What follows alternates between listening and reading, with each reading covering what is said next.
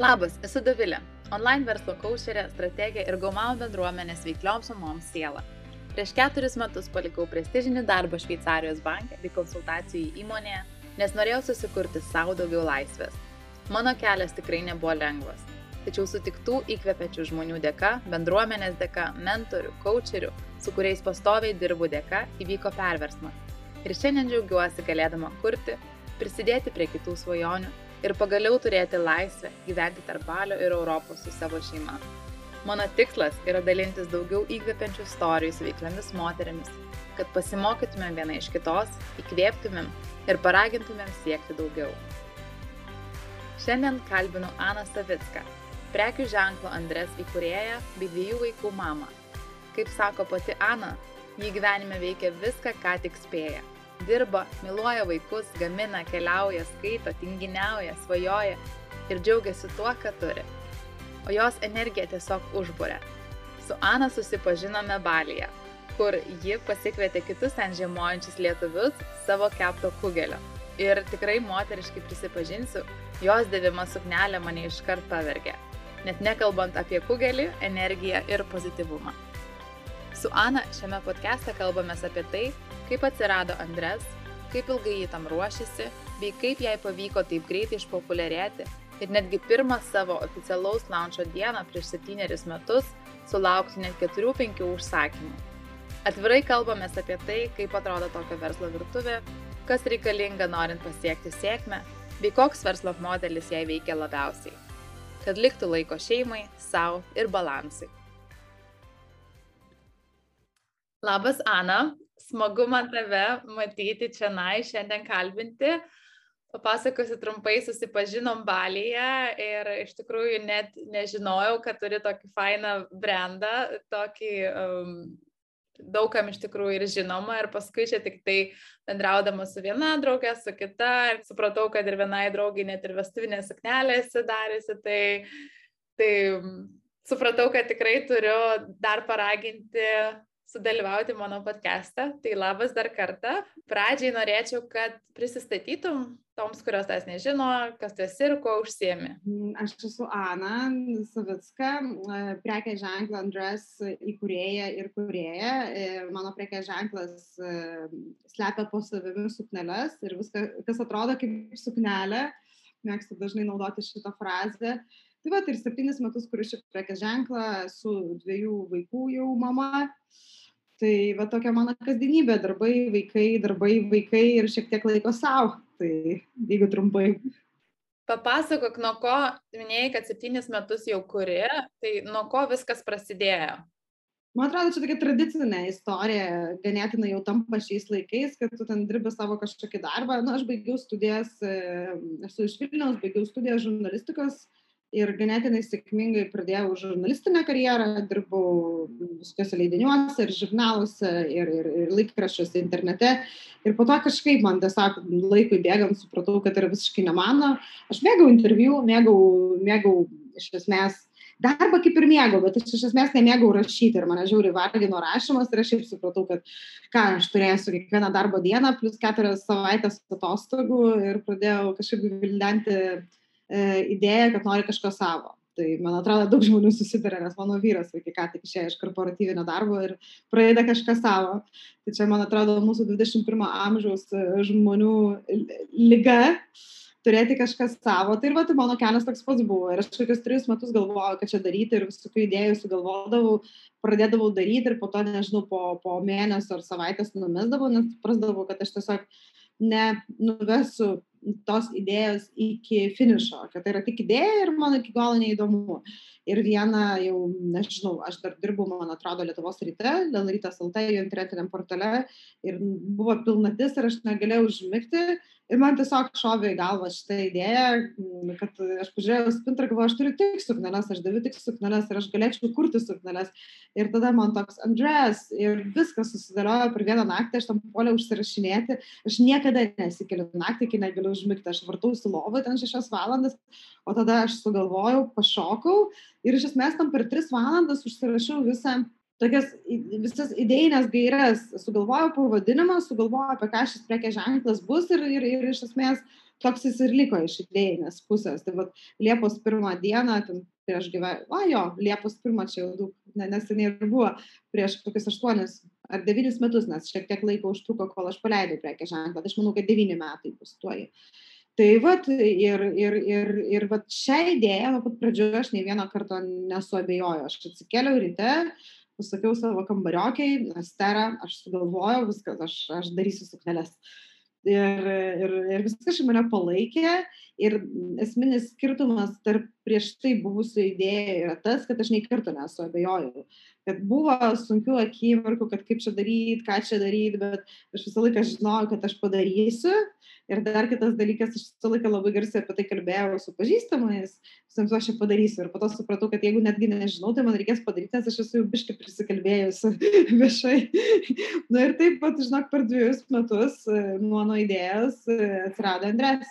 Sunku buvo, tie du metai buvo tokie pilni iš tiesų iššūkių, nežinojimo, trūkumų, visako, žinių, pinigų ėjau mokytis e, per darbo biržą į profesinę mokyklą individualių drabužių siuvimo ir konstravimo, kad šiek tiek suvokčiau apie kas yra daiktas, iš esmės, kaip jis gaminamas, nes pagrindinė problema ir buvo, kai aš sugalvoju, aš darysiu, mano toks, o kaip yra daromi drabužiai. Aš esu lankęs su siuvimo kursus, bet nieko bendro nu, su 16 metų siuvimo kursais jau šitą idėją neturėjo.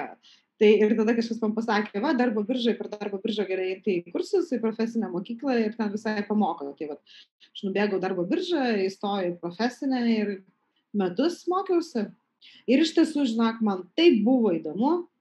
Palyginus, aš baigiau žurfaką, tokia kaip ir tokia prestižinė Lietuvoje specialybė, kur sunku įstoti, bet ten to prestižo tikrai buvo labai mažai, man nebuvo iš tiesų labai įdomu, fainai baigiau, bet, bet tikrai ten reikėjo tuo metu pasitempti su studijų programa. Uh, O profkiai, aš ten visiškai žydėjau. Man buvo įdomu, aš grįždavau namo, aš toliau sūdavau, aš konstruodavau, aš modeliuodavau. Ir aš tam visiškai buvau pasinešęs ant mokslo ir aš, man atrodo, per tos metus paėmiau maksimaliai, ką galėjau iš tų studijų paimti. Ir, ir tai va, toks palyginimui, kai visi visą laiką ragina jaunuolius ar, nežinau, brandesnius jaunuolius stoti į universitetą, siekti magistro, tai profesinė mokykla tikrai nėra kažkoks labai didelis baubas. Uh, jeigu tu ten eini su, su ganėtinai iškia motivacija. Aš išsinešiau labai daug, turėjau tikrai labai stiprų mokytoją, kuris labai mus spaudant kokybės. Ir, ir galbūt jo tie reikalavimai man tikrai pravertė ir vėliau šiek tiek, nes aš pripratau prie to, kad siūlės turi būti tiesios, kad milimetro paklaida yra svarbi. Ir, ir visas šitas žinias aš tikrai, tikrai pritaikiau vėliau, kurdama jau prekės ženklą labai labai įdomi istorija ir taip labai įkvepia ir užmotivuoja ir man per kūną bėga širpuliukai, kai viską pasakoja, kaip tau vat, taip naktį viskas gimė, bet vadinasi ir turėjo būti, nes, nu, tiesiog atėjo. Taip, tai yra tokia, toks magija su šitą istoriją, tikrai, kai visi klauso, tai kaip prasidėjo, aš papasakoju šitą istoriją ir tai šiek net biški čyzis skamba, bet taip ir buvo, nes daug idėjų aš sugalvodavau, sėdėdavau ir priega, o šita man tiesiog atsirado. Ir, ir iš tiesų aš šiek tiek grįžau mintise į savo paauglystę ir aš norėjau stoti Dėlės akademiją į kostiumo dizainą, bet šeimoje buvo ganėtinai sudėtinga finansinė situacija ir kitas niuansas reikėjo paruošimų kursų Dėlės akademiją, kurie tuo metu buvo labai brangus. Ir tėvai man pasakė, kad yra pilna specialybių, kuriam nereikia paruošimų kursų ir aš tiesiog jau reikausi ten iš teisės ir žurnalistikos. Tai, Tai gal ir buvo tokios kažkokios užuomasgos mano šito kelio ir, ir paauglystėje.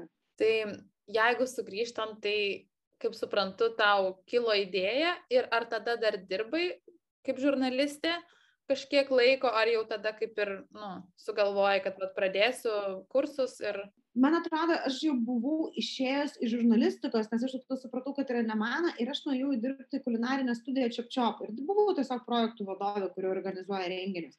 Ir jau po to, kai atsirado idėja ir atsirado m, būtent e, profesinės mokyklos e, kursai, tai aš mečiau darbą ir jau iš esmės aš tik tai, tik tai mokiausi. Aš grįžau gyventi pas mamą, tiesiog finansiniais sumetimais. Ir, ir jo, ir tada jau tiesiog aš mokiausi ir bandžiau kažką sukurti. Tai gerai, pirmie metai pasakoji, kad buvo mokymai pagrindė, vis tiek fokusavaisi išmokti viską apie siulės, apie konstravimą drabužių. Ir kas sekė po to, jeigu prisimeni, kaip tu iš tikrųjų paleidai tą savo brandą? Tai aš kaip baigiau mm, profkę, iš tiesų buvo toks biški gepas, nes e, lik ir tu kažko išmokai, bet tu nieko neturi. Mano kaip ir investuotojas buvo mano brolis, aš jam turėjom parašyti verslo planą, kad jis man suteiktų šiek tiek pinigų pradžiai. Tai aš iš tiesų parašiau jam žiauriai professional verslo planą su, su, su, su daugybė eilučių išskaičiavimų. Man atrodo, pusan, apriepė pusantrų metų visas startas, kiek kas kainuoja. Ir tai buvo labai labai protinga mintis, jis mane privertė, aš neketinau. Jis sako, žiūrėk, nori pinigų, parašyk verslo planą. Ir aš tokia, gavau gerą pavyzdį iš žmonių, kurie rašė verslo planą ir su jie į banką prašytą milijoninės paskolos dar tais laikais. Ir aš parašiau viską, kiek suknelė, kada leidžiu, kada, kiek kainuoja ledkalai, kiek kainuoja buhalterė. Ir tada tiesiog rašydama tą verslo planą sužinojau, kiek ima marketplace'ai už tai, kad tu parduodi savo plakes, kiek kainuoja gamyba. Tai prasme, aš sužinojau daugumą aspektų, kurie yra susijęs su mano verslu. Ir aš esu rašiau Excel ir buvo labai geras toks, o, okei, okay, man reikia tiek pinigų, man reikia daryti tą ir aną. Ir iš esmės aš surašiau visus, visus įmanomus darbus. Logotipas, pakuotės, suntos, nežinau, kažkokios sagos. Ir aš ten sėdėjau geras kelias savaitės, surašinėdavo, ko man reikia ir tada pabiškai pradėjau dirbti. Logotipas atsirado, atsirado gal pirmieji eskizai, yra daug konstruktorė, bet irgi buvo tokių ten feilų gerų, kur, na, kur ten klausia tavęs kažkokių techninių dalykų, tu lik ir žinai, bet tau labai sunku priimti sprendimą, nes tu nelabai dar kažką žinai. Šis toks esi mokslis, bet be mokslis. Ir po to irgi toks buvo, kad kažką lik padariau, logotipus yra, o ką daryti toliau, audinių nėra, kur gauti audinių, parduotuvėse pasirinkimas prastas, kainos didelės. Ir mes su broliu nusprendėme išvažiuoti į Lenkiją, nes Lenkija vis tiek tokia labiau tekstilės šalis negu Lietuva.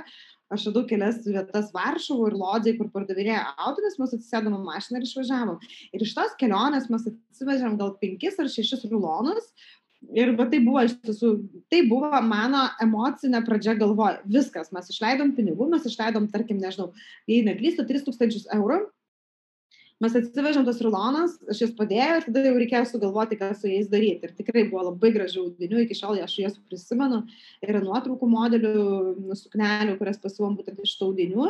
Bet tada vat, atsirado audiniai, dar su brolio pagalba aš radau tokią siuvyklą, kuri dirba su, su mažais kiekiais. Tai ir paviški, paviški vienas modelis, antras modelis, trečias modelis, kažką pati pavyzdžiui sukirpdavau. Kažkur radau mažas siuvyklas, kurios dirba su maža, su maža gamyba. Ir taip paviški, aš savo nutariau, kad startuojam balandžio pirmą dieną ir viskas. Tada balandžio pirmą buvo toks dedlainas atsirado atsirado programuotojai tokia chebra iš varėnos aš jų net mačius gyvai nesu jie man viską padėdavo. Jo per shopify sukūrėm elektroninę parduotuvę. Tuo metu mano draugė dirbo fotostudijoj pas tokią nu, profesionalią fotografę oksaną tačicką. Okto yra tokia fotostudija. Tai irgi mes sutarėm kad ji man padarys visą lukbuką ir editorialą radau modelius ieškojau nežinau batų visko. Tai vat man atrodo, tokio intensyvaus darbo buvo koks pusmetis ir paskutiniai tie trys mėnesiai, kur, žinai, dar, dar paskutinį kokį semplą sugalvoja visada, arba kažką reikia, kažką reikia padaryti, kažką reikia paleisti. Nu ir vis mes kažkur kovo pradžioj sufotkinom ir balandžio pirmą dieną aš paleidau Facebooką, man atrodo, jau paviešinau visiškai prekės ženklą, o balandžio gal ten ketvirtą ar penktą dieną aš jau paleidau rešopą ir kas yra fainai, tais laikais organinis ryčias buvo nuostabus. ir tiesiog tada aš per kelias dienas susirinkau, nežinau, gal ten 8 tūkstančius followerių, ten Instagrame ir Facebook'e. Instagrame mažiau, nes šiek tiek jis ten tada mažiau populiarus dar Lietuvai buvo, bet Facebook'as vis tiek aš po savo žurnalistinės visos karjeros turėjau tikrai labai platų ratą pažinčių nuo, nuo nežinau, celebričių iki verslo atstovų. Visus atrodo žmonės tam buvau užkalbinus, visokių specialybių. Ir man iš tiesų ant kiek aš tas žiniasklaidos jau nemėgau ir nekenčiu kažkur tyliai viduje ir atrodo, kad čia man sugadino dešimt metų, bet kai atsirado suknelės, man ta va, visa patirtis žiniasklaidai bumerangų grįžo gerąją prasme.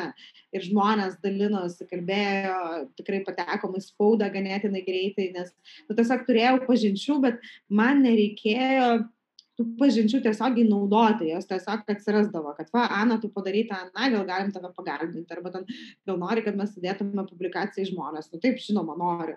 Ir taip iš tiesų ta pradžia labai tokia ganėtinai sėkminga ir greita. Jau pirmą dieną buvo, jei neklystu, kokie penki ir šeši pardavimai. Jo, per patį šopą. Ir juokingiausia buvo, kad pajungiam kelias mokėjimo sistemas, gal PayPalas, Braintree kas yra PayPalo toks padalinys apdorojantis mokėjimus kortelėmis ir Paysera. Ir iš penkių žmonių, žmonės, du žmonės pasirinko mokėjimus per Payserą, o iš tiesų mes nebuvome iki galo suintegravę mokėjimus ir jie neįvyko. Ir tada ten keli, man atrodo, vat, keli žmonės ir negrįžo po to, vat, tiesiog nes jau čia buvom tokia pirmą dieną ir iš karto klaida. Bet ten tiesiog reikėjo įvesti sistemą kažkokį vieną ekstra kodą, bet niekas nežinojo, tai aš to skambinu programeriams savo, kažkas čia nepriima, ne, mokėjimai nevyksta, pataisė ir viskas buvo gerai. Tai va, ir prasidėjo, paviški, paviški, tie pirmi metai tokie įdomus, bet jo, bet fainai, kad viskas prasidėjo ir vyko, nebuvo taip, kad aš paleidžiu ir neturiu nei vieną pirkimą, aš visų tiek buvau prikalbėjus, tiek buvau už, už, už, užsireklamavus pati save, kad tikrai sulaukiu labai daug dėmesio ir atsirado po to po kelių savaičių, pamatė mus Beata Tiškevič, tuo metu tikrai labai, labai turėjo tokį svorį viešumoje, Erika Jerings pažinojau iš seno, irgi apsirengė. Ir jo, ir tuo metu tie tokie vieši žmonės, influenceriai labai didelę jėgą turėjo iš tiesų ir tokią nemokamą organinę jėgą. Dabar tikrai sunku yra pasiekti tokio dėmesio, bet tuo metu, ten, nežinau, įdėti tą nuotrauką su Beta Tiškevičiu, ten surinkė tūkstantį organinių laikų, kur dabar, dabar nu, nėra, nėra tokios lengvos klaidos. Bet dirbau, iš tiesų sunkiai dirbau, priekiavau, buvau ir netgi dabar prisimenu, kad yra klientė, kuri nuo pirmos dienos buvo su manim, nuo pirmų savaičių ir labai iš esmės tokia kaip pasakyti, ne tai, kad turtinga, nu, bet gerai, ta prasme, finansiškai ant kojų stovinti moteris, bet ten turi spintų 20 suknelių ir kiekvienais metais grįžta pas mane 7 metai ir tokių draugyšių yra ne viena, ne dvi ir ne trys. Ir tas yra smagu labai, kad, reiškia, nu, nepavedam su kokybė, nepavedam su kažkokiais stiliaus išraiška ir mes turim labai ganėtinai nemažą lojalių klientų ratą. Tu paminėjai, kad taip mes paleidom ten balandžio pirmą dieną, tai kaip suprantu prieš septynis metus, bet vis tiek suprantu, kad tu tą tokį buzz kūrei aplink save, aplink savo didžiulį ratą jau iš anksto. Tai čia nebuvo, kad tyliai, tyliai, žinai, kaip kiti daro, tyliai, tyliai, tyliai, vad paleido ir tada tikisi, kad čia staiga kažkur kažkas atras. Aš kokį draugams kalbėjau metus, jau visi žinojo, ką aš darysiu, kad aš išėjau iš darbo, ta prasme, aš ten nu, tiesiog kalbėdavau, sakydavau ir taip toliau. O viešai Facebook'e aš, aš padariau tokią mini fotosesiją, uh, su suknelėm, kurias pati pasivau profesiniai mokyklai. E, tada kreipiausi, buvo toks Sweet Root restoranas Vilniuje, buvo labai minimal, labai gražus, labai švarus toks. Ir aš jos kreipiausi, ar galiu padaryti fotosesiją, man leido nemokamai pasidaryti savo nu, asmeninę fotosesiją su fotkino draugė. Ir aš ten sausio vidurį, tai reiškia, su keturiais mėnesiais iki prekės ženklo paleidimo, paleidau tą fotosesiją ir trumpai aprašiau savo istoriją, kad va, aš metu žurnalistiką, mokiausi ir va, jau netrukus į gyvenimą paleisiu Andres. Tai tikrai daug žmonių žinojo. Bet tas buvo smagu, nes tikrai labai daug žmonių dabar daro tos virstus ir ne, mes niekam nesakom, čia wow bus. Ir po to susiduria su ta problema, kad nu, tikrai to dėmesio gauti yra sunku, ypatingai dabar, kai visa reklama visoje medijai yra mokama. Ir, ir, o mano, sakau, šiek tiek atvirkštinis, aš kažkaip nebijojau, nebijojau kalbėti, nes mano idėjas pavokti niekas teoriškai negali.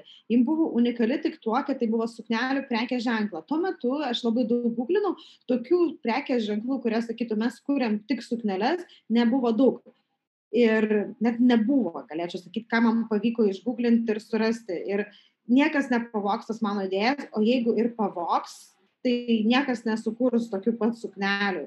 Ir dabar sako, kas yra tavo konkurentai. Aš neturiu konkurentai, nes konkurentai neturi mano smegenų, mano stiliaus pajūtimo, mano darbo specifikos kažkokios, nu, niekas negali padaryti to paties taip pat, kaip darau aš. Nu, gali padaryti geriau, gali padaryti geriau, blogiau, bet padarys kitaip. Niekas, nu, tarsi, nėra dviejų vienodų asmenų.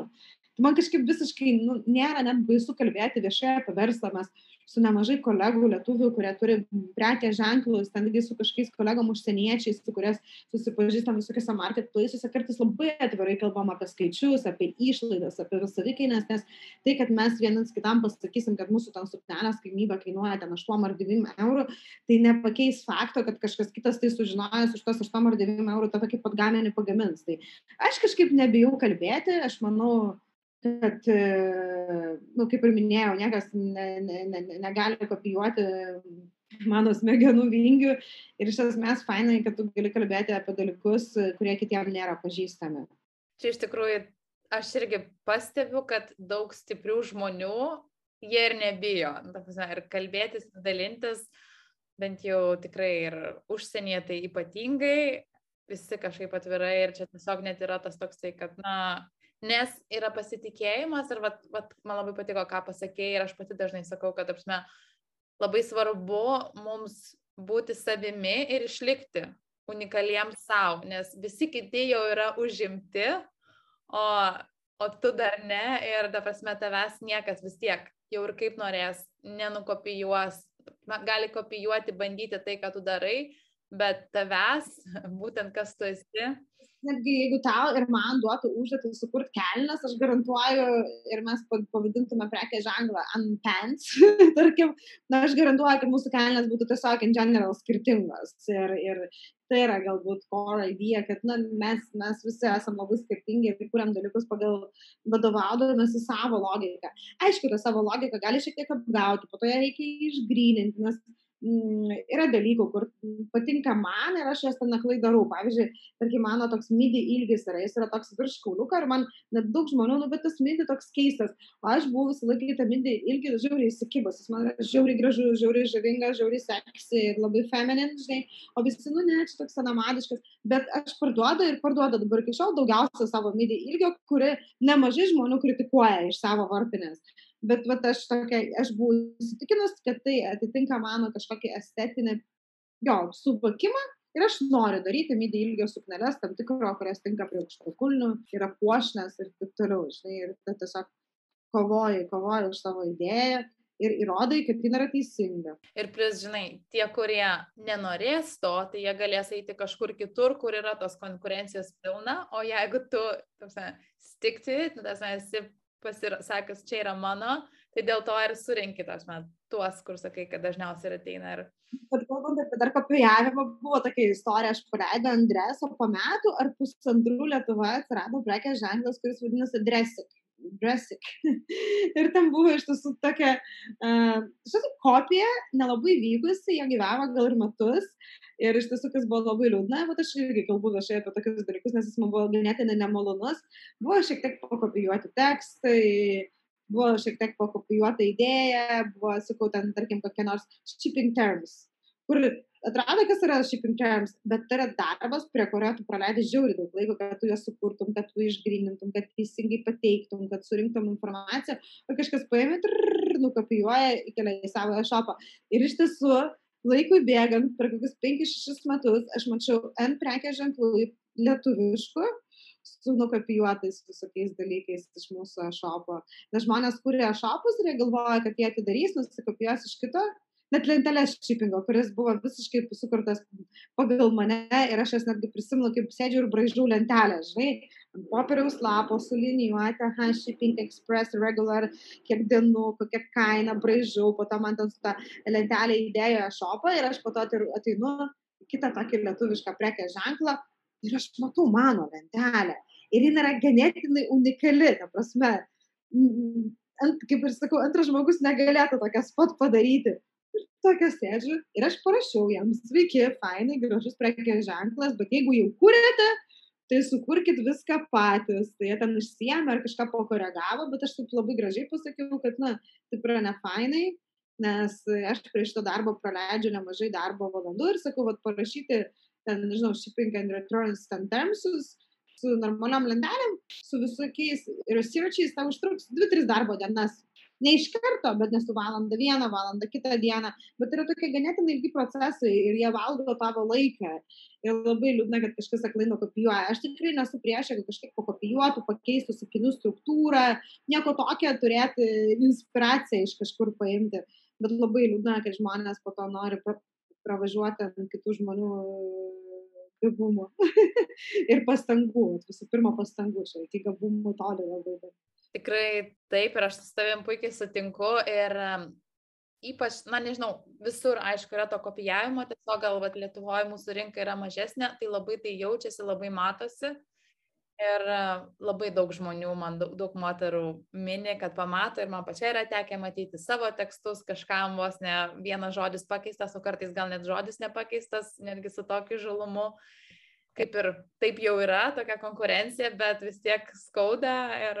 Skauda, nes tu žinai, kad tu tai sugalvojai, ta prasme, yra daug neunikalių idėjų. Ir aš kaip ir sakau, suknelė, ten tarkim yra daug, nu, tarkim, mano atveju aš kuriu ganėtinai timeless, tokias ilga amžiaus klasikinės, e, klasikinę kirpimo suknelės. Rasti panašių tikrai galima ir Pinterest ir visur.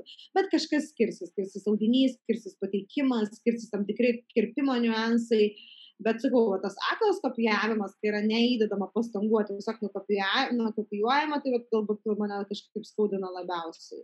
E, minėjai, kad tavo metu, kai pradėjai Andres, buvo tikrai dar įmanoma, bet ir žinant vis tiek, tave pasiekti nemažai organinio, organinių sekėjų, žmonių auditorijos. Ką matai šiandien? Koks marketingas veikia labiausiai? Kokie kanalai? mokami, bet dėja, žinok, mokami iš tiesų. Ir aš esu ganėtinai klasikinė, aš nesu iš tų, kurios nori eiti į TikToką, nors tikrai turiu, galėčiau, turiu iš tiesų draugę dirbančią TikToko E, jo, Europos rinkodaros vadovė, tokia visiškai wow, high level pozicija užima mano suolo draugė, jo gyvena Londone ir man knisa smegenis, kiekvieną kartą padaryk tik toką, padaryk, aš to visko padėsiu, tu prasme, aš tau padarysiu. Ir aš sakau, aš negaliu, aš ten noriu vengtis iš šitą E, visiškai nereikšmingų video platformą. Gal ir yra tam reikšmingų video, bet ne, aš nenoriu. Aš noriu būti klasikinis prekės ženklas, kurį žmonės atranda. Mes turim mokamą reklamą, mes turim klientų nuotraukas, kurias mes kartais irgi keliame savo social media, mes turim visokius celebričius, su kuriais mes kartais bendradarbiaujam. Bet iš esmės, vienintelis dalykas, už kurį aš moku, yra reklama. Tai reiškia, placementas Facebook'e, Instagram'e ir ten visuose kituose kanaluose, Google ir taip toliau. Bet kas liečia visokius celebričius ir taip toliau, aš nemoku. Aš esu nusprendus, kad aš nenoriu mokėti už tai, kad kažkas ten dėvi mano sukneles. Lietuvo žvaigždėm kartais reikia rengtis e, renginiams. Tai čia yra toks win-win situacija. Ir, e, ir aš tiesiog nusprendžiau, kad ne, aš nenoriu. Aš, aš kuriu kokybišką gaminį ir, ir galiu jo kiti gali norėti, aš nesu, ne, nesu priversta visą laiką už kažką mokėti. Ir iš tiesų, žinok, rašo ir blogeriai, ir kažkokie ten influenceriai, ir apsikeičiam paslaugom, e, bet aš kažkaip daug to nedarau, aš kažkaip labiausiai esu galbūt e, susikoncentravę mes į tą mokamą reklamą, gražų pateikimą, Instagramas, Facebookas ir kažkaip bandau nefeikint ne gyvenimo, kad kažkam turiu sumokėti 500 eurų, kad jis užsidėtų mano daiktą ir mane pagirtų. Aš noriu, kad žmonės užsidėtų daiktą, norėtų pagirti ir tai, tai nesudarytų jam jokių keblumų.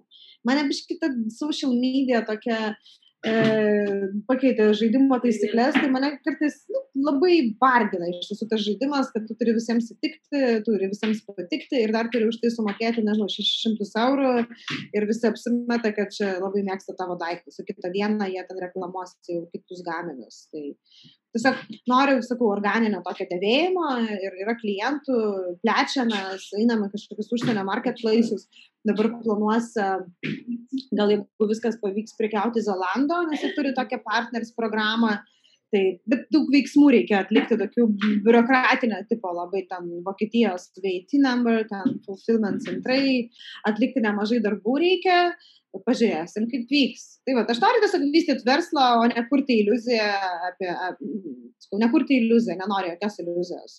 Kaip gražios moteris prie baseino visą Andres, nes jos dėvi ir į darbą Vilniui, taip, pripažinkim, tai va, nesinori feikinti.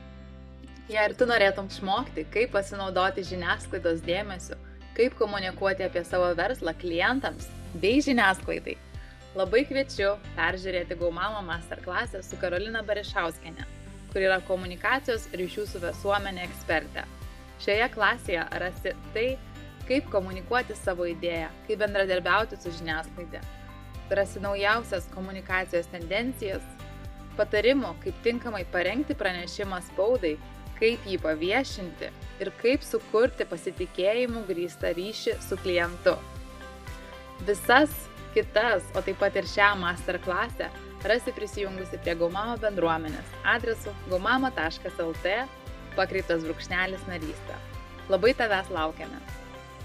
Ar tavo suknelės pardavinėjai ir užsienyje, ar esat užsienės? Taip, mes e, online, e, bet iš esmės Andrės pardavimai jau tikrai nemažai laiko, ketveris, penkerius metus daugiau, daugiau mes parduodame užsienį, tai yra mažmeninė priekyba, turėjom ir didmeninių užsakymų, va šiemet turėjom ganėtinai didelį užsakymą, fizinės parduotuvės yra Fenwick Department Store UK tokie, tai va Fenwick yra mūsų suknelės, o visa kita marketplace, toks vienas didesnių yra Wolf and Badger Britų, jis yra independent tokį dizainerį, tai va su jais mums labai gerai sekasi, mūsų e-shopas labai irgi gražiai, organiškai auga, nėra kažkokių ten wow šuolių, bet metų iš metus mes augam, augam ir kažkaip tobulėjam.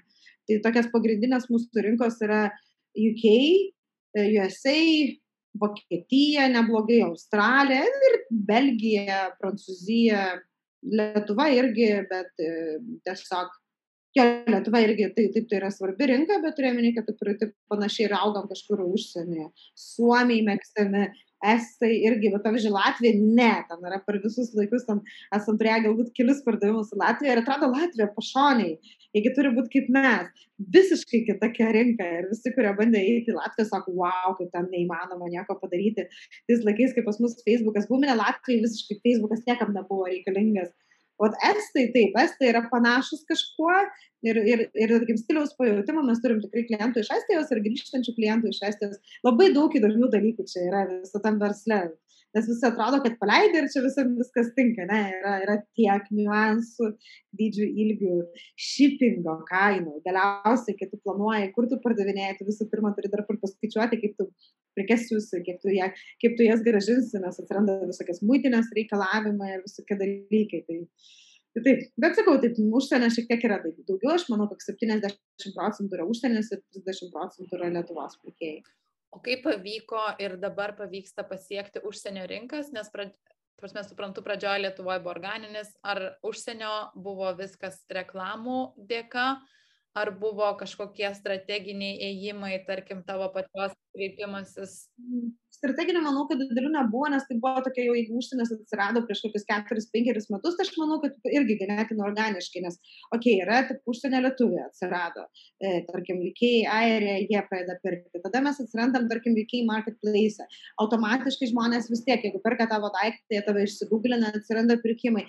Ir taip pabiškai, bet tada aš turėjau tokią darbuotoją, ar mes, atsiprašau, dviese, ta prasme, jungdavom reklamą, susi, susisatapindavom visus atsus, ten, prasme, man atrodo, pinigus vėjams leidom. O po to atsirado re, e, reklamos, ne reklamos, digital agentūra ir mes pradėjom dirbti jau dėsningai, išsigryninom, kad, okei, okay, pabandom užsienį, reikia skirti šiek tiek pinigų ir taip pabiški, pabiški ir atsirado ta, ta auditorija. Sunku netgi ir prisiminti, bet tikrai ir mokamos reklamos dėka ir, ir buvo visokių ir tokių atsitiktinių, ten, nežinau, kai parašė man korejėtė operos e, solistė, tokia kylanti žvaigždė, norėčiau dėvėti. Ji neturi daug followerių, bet pabiški, pabiški mūsų, mes atsiradom, man atrodo, Instagrame tiesiog automatiškai čia, tai automatiškai ten, aprengiam vieną žmogų, kitą žmogų, trečią žmogų. Dažnai mes nedovanojam daiktų, mes skolindavom daiktus, nes aš visą įvertinu, ta prasme, mano gaminiai kainuoja ir aš ne visada mačiau reikalo, ta prasme, viską dovanoti iki 10, nes tai yra labai priimta. Bet, nu, čia yra mano darbas, aš irgi save vertinu. Tai kažkur skolinam fotosesijom, kažkur paskolindavom arba padovanodavom kažkokiam ten e, žmonėm, bet man patikdavo, ten sakau, dovanoti kartais ne influenceriam, ne kažkokiam tiesiog gražiam moterim, bet vat, o, operos dainininkė, sopranas, tokia kylanti žvaigždė, kažkokia jauna režisierė, kokia nors iš Rumunijos, kokios. Man patiko backgroundas, man patiko tų žmonių istorijos, ką jie daro ir kodėl jie daro. Man kažkaip nereikėjo tų tūkstantinių auditorijų, bet man reikėjo stiprių asmenybių su, su, su, su tikrais sėkėjais. Tai aš manau, pavyški viskas kažkaip ir susidėjo. Bandėm važiuoti į parodas užsienio, bet nelabai mums pasiteisino ir tai jau buvo tas laikas, kur parodų pikas jau buvo nuėjęs. Tai mes ant biški tokia jau važiavom žemyn pataikėm, tai labai brangu ir nebūtinai efektinga. Ir tu turi važiuoti metų metus, kad tave pastebėtų, bet tai yra labai didelės išlaidos. Tai man atrodo, tu aš nusprendžiau, kad aš noriu toks būti online brandas, neturėti Vilniuje jokios parduotuvės, mes iki šiol neturime, mes turim tokią fizinę studiją. Ir jeigu žmonės paklausia, ar galima matuoti suknelės, mes priemam. Bet niekur viešai nėra parašyta, kad mes kviečiam matuotis. Tiesiog mes susikoncentravome online, aš paskaičiavau, kad man labiau apsimoka fulfillint online orderius ir priimti gražinimus, kurie irgi, pripažinkim, šitą verslą yra labai nemažai. Uh, ne, negu turėti fizinę parduotuvę ir, ir turėti aibę problemų susijusių su fizinė prekyba ir išlaidų. Dar gali papasakoti, kaip augo tavo komanda, kiek buvo, kiek ilgai buvai pati viena, kada gavai pirmos pagalbos ir kiek žmonių yra šiandien? Aš manau, kad aš visiškai viena buvau kokių pusantrų metų, bet tikrai aš hardcore, aš ten dirbu ir viską žinai, bet labai gerai, aš viską išmokau daryti. Nėra dalyko, kurio aš nebuvau padaręs. Nei vieno dalyko, aš viską žinojau, iš kokio popieriaus kerpamos yra pjaustomos mano dėžutės. Ir kokias etiketės, kokias virvutės, kokias sagutės. Ir kaip pusantrų metų, po to atsirado tokia Roberta, jin dirbo dviejus metus, bet tokie buvo sunkus metai ir aš prisimenu, kad suge... ir po to atėjo toks laikotarpis, kad man buvo, aš pinigus atiduodavau Robertai, algą ir man nieko nelikdavo faktiškai ir aš kažkaip mes su Roberta atsisveikinam, dabar irgi padarė karjerą, labai sėkmingai, gražiai bendraujam. Tada aš gal kažkiek metų padirbau viena ir po to atsirado jau trejus metus turiu tokią neringą ir dabar atsirado dar paskutinės gal tris mėnesius turim dar kiek pusę etato dar saulę. Tai va, tai iš esmės mano komanda nėra didelė, ji nebuvo niekada didelė ir kol kas nebus didelė, nes na, tai yra online prekės ženklas ir mano ir yra idėja, kad esu aš ir dar būt ekstra 2-3 žmonės, nes aš neturiu in-house gamybos vadinamosios. Aš visas paslaugas perku. Aš perku audinius, aš perku siuvimą, aš perku konstravimą. Tai reiškia, aš neturiu žmonių, kuriuos aš turiu nu, išlaikyti kiekvieną mėnesį. Tai yra mano keli darbuotojai ir viskas. O visa kita yra perkamos paslaugos ir, ir atsiskaitoma po prekių ar paslaugų suteikimo. Tai va ta tokia komanda, jeigu būdavo vienas, aš plus vienas, dabar yra aš plus pusantro. Bet tuo pat metu yra labai ramu, nes, va, pavyzdžiui, COVID, ten tokias krizės akivaizdoje, kai, kai prasidėjo COVID ir čia viską uždarė Europai, aš atsisėdau, šiek tiek supanikavau, bet tuo pat metu galvoju, bet man viskas gerai, aš neturiu ne vienos problemos, aš turiu tik vieną žmogų, kurį aš noriu išlaikyti ir turiu save. Ir irgi dabar visi kalba apie recesiją, apie krizę artėjančią ir taip toliau. Tai mano irgi toks, aš kažkaip kaip ir liūdna, kad taip gali nutikti, nes aš tikrai galėčiau, mano prekė bus jautri, jaut, nes Ir, bet aš galvoju, nu išgyvensiu, aš turiu santaupų, turiu tik vieną žmogų ir save. Ir aš nesu, nu, liūdna, aišku, dėl suvyklų, dėl visko, kad aš galbūt neturėsiu, negalėsiu aprūpinti jų darbo, bet tuo pat metu aš esu, aš kaip verslas esu šiek tiek apsaugota. Bet kitas niuansas, COVID buvo geriausi laikai mano gyvenime su suknelėm. Aš negalėjau patikėti, kad prisimenu, nuo pat pirmos COVID dienos suknelės pirko ir pirko vis daugiau ir daugiau ir daugiau. Ir tie paskutiniai dviejai metai buvo labai gražaus saugimo metai mums. Ir taip mes gaminam ir kaukės, bet kitų prekės ženklų, tai irgi ten buvo kreizį laikai tokie, kur dirbdavom po, nežinau, 14 valandų, ten 200 siuntų per mėnesį, per dieną supakuodavom. Ten, kaip, ne tai, kad mes atleidom žmonės, mes dar priėmėm žmonių ten ir visiškai nusidirbom, užsidirbom ir, ir, ir labai fainai praleidom laiką iš tiesų. Ten tokia akivaizda, kai viskas yra labai blogai ir visi verkia, kad viskas užsidaro ir ten visą pašalpų ir, ir subsidijų, tai mes, sakau, nei vieno žmogus net leidom ir dar priėmėm stovyklas. Nu, tai tai nėra tiesiogiai, kad aš priėmu, bet vis tiek tos stovyklas, su kuriam dirba, yra mažos dažniausiai. Yra tris, dabar šiuo metu yra tris, keturios stovyklas, po du, tris žmonės, viena yra penki. Tai vis tiek mūsų sieja labai toks personal ryšys, mes labai glaudžiai bendradarbiaujam ir, nu, kaip bebūtų, aš tam darbu, žmonėms suteikiu maždaug 8-9 procentų jų turimo darbo. Tai jie faktiškai suva tik Andres ir kitiem prekės ženklam, bet dauguma darbo yra mano. Tai tai smagu, kad nu, ne, nei vienam žmogui nepritruko darbo ir mes visi kažkaip, kažkaip oriai, oriai šitą laikotarpį išgyvename bendrom jėgom. Labai įdomu iš tikrųjų išgirsti, kad ir tame vis tiek tavo yra fizinis verslas, nes suknelės yra fizinis produktas, tai kad ir čia įmanoma išlaikyti tą tokį labai linearų tokį, na, mažą e, biznio modelį tą tokį, kur vis tiek, nes, tarkim, aš irgi vadovaujuosi tą pačią logiką, kad, e, na, agentūroje, e, kurią, kurią turim su vyru, tai irgi yra, ar, ar, ar savo versluose, yra keletas žmonių, kurie dirba pilnu etatu ar tai pusę etatu, bet jie jau yra tokie bet jų yra labai mažai, o visa kita yra freelanceriai, kuriuos pasiemė, žmonės vis tiek pasitikė, kaip ir tu minėjai, su veiklos, bet jie vis tiek yra, yra darbo, imi, nėra darbo mažiau. Taip, taip, taip. Ir, ir, ir nes aš niekada nenorėjau turėti verslą ir turėti problemų. Na, mano pagrindinė idėja Andrės ir šis bet kokio verslo, jeigu aš būčiau sukūrus ten Andrės, buvo toks, kur aš noriu turėti gyvenimą, aš noriu kažkada turėsiu vaikų, aš noriu laiką su vaikais, aš noriu keltis devintą, jeigu turiu galimybę keltis devintą, nesikelti šeštą. Na gerai, reikės kelti šeštą ir vaikus ten į mokyklą vežti. Bet čia yra nu, asmenybiniai dalykai. Aš norėjau užsidirbti nefiksuotą atlyginimą, atlyginimas, kad priklausytų nuo mano pastangų. Ir irgi ten visi reikia reikia auginti verslą, bet aš nenoriu auginti verslo, aš noriu užsidirbti pinigų kelionėm, e, e, oriai būčiai, patogiai būčiai, daiktam, kurių man reikia, bet man jų daug nereikia, aš esu ganėtinai nedaiktiškas žmogus ir man kol kas, nu, tai pavyko ir aš jaučiuosi šiek tiek išsilaisvinus iš tų gniaužtų, ten, nežinau, va, tos, kad tokio samdomo darbo. Samdomas darbas nėra blogai, tai yra labai viskas yra, viskas su juo ok, bet man reikėjo, man reikėjo šiek tiek daugiau lankstumo.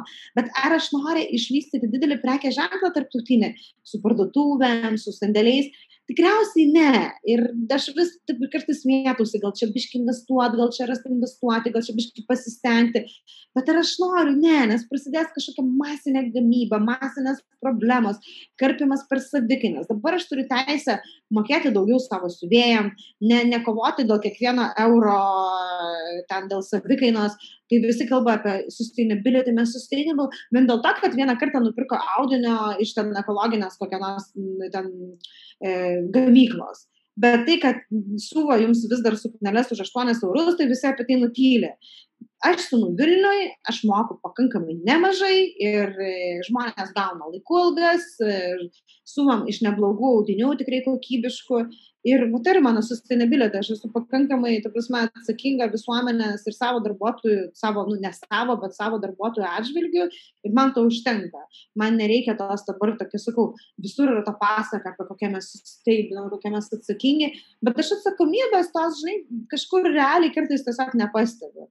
Nes verslas, kaip bebūtų, o ypač jeigu tu gamini, tu nuo pirmos dienos terši aplinką, nes tu, kiekvienas tavo produktas yra tokia, aš labai negražiai pasakysiu, bet tai yra busima šiukšlė. Ir, ir, ir nu, tai reikia suvokti irgi, kad mes visi vadovaujame savo egoistiniam paskatom. Aš netėjau gelbėt pasaulio. Idėja tai rengti suknelės ir taip toliau. Ir aš daug moterų padėjau jaustis ypatingoms švenčių metu ir taip toliau. Bet aš turiu ir savo egoistinį motyvą. Aš noriu to dėka įgyventi, aš noriu žemot balį, bet kaip ir pavyko pernai. Gal aš negyvensiu brangiausiai, gražiausiai vilai, bet aš, nu, aš darysiu tai, kas man, kas man patinka. Tai va, vien dėl to aš nenoriu didelio augimo. Aš esu nusprendus, kad Max mano komandai bus penki žmonės, kokie keturi, galbūt su manim ir penki, bet tai yra, man atrodo, lubos, kurias aš norėčiau apriepti ir kuriams aš norėčiau vadovauti. Tai, Ana, ačiū tau už visus šitas gražias uh, mintis, už tą tokį labai, man labai patiko su tavim kalbėtis, nes labai to tokio tiesmukiško, bet, nu, gero to tokio gerų idėjų, gerų žodžių, gerų minčių. Ar yra, ką dar norėtum pasakyti paskutinis dalykas toms, kurios klausosi? Nežinau, bandyti, bandyti gyventi pagal savo kažkokią trajektoriją ir aš nekalbu apie tiesiog verslų kūrimą, nes man atrodo, mes visi galime būti laimingi ir šeimoje, ir versle, ir, ir samdomam darbe. Svarbu, man atrodo, atrasti savo tas stiprybės, atrasti, ką ir kaip tu nori daryti. Labai svarbu mes irgi, mes esam tokias 30 plus moteris, panašu, kad nemažai mūsų turi vaikus, tai ir labai svarbu, man atrodo, rasti tą tokią harmoniją tarp, to, tarp savo asmenybės ir visų ten šeimos poreikių, nes mano egoizmas gimus vaikams niekur nedingo. Aš noriu dirbti, aš noriu uždirbti, aš noriu būti ir su draugais, bet tuo pat metu labai noriu ir savęs daug atiduoti šeimai. Ir va tas va, galimybė daryti kažką savo man suteikia tą va, lankstumą, kad aš dabar, nežinau, galiu 9 val. ryte nuvesti vaiką darželį ir grįžus paniurkit mažiuką ir tik tada išeiti į darbą ir galbūt ilgiau pabūti pa, pa, pa, pa vakarais. Tai nežinau, tiesiog palinkėčiau rasti tokią harmoniją su savim, nes jos, man atrodo, labiausiai dabar reikia. ačiū Ana tau ir ačiū visoms, kurios klausys. Ačiū tau, kad klausėsi. Naujas įrašas išeina kiekvieną savaitę, tad nepamiršk prenumeruoti Gomamo podcast'o savo mėgiamuose podcast'o platformose. O jei nori sužinoti daugiau apie Gomamo bendruomenę ir kaip ji gali padėti tau susikurti nepaprastai sėkmingą veiklą, kviečiu apsilankyti gaumama.lt puslapyje, kur rasi daugiau informacijos ir galėsi tapti mūsų augančios bendruomenės, jungiančios pačias motivuočiausias mamas nare. Čia tavęs laukia masterklasis įvairiomis verslumo temomis nuo A iki Z, naujos temos kiekvieną mėnesį, sesijos ekspertais, narių susitikimai, tikslų išsikelimai ir planavimas, įkvepiantis pašnekesiai, narių nuolaidos ir daug daugiau.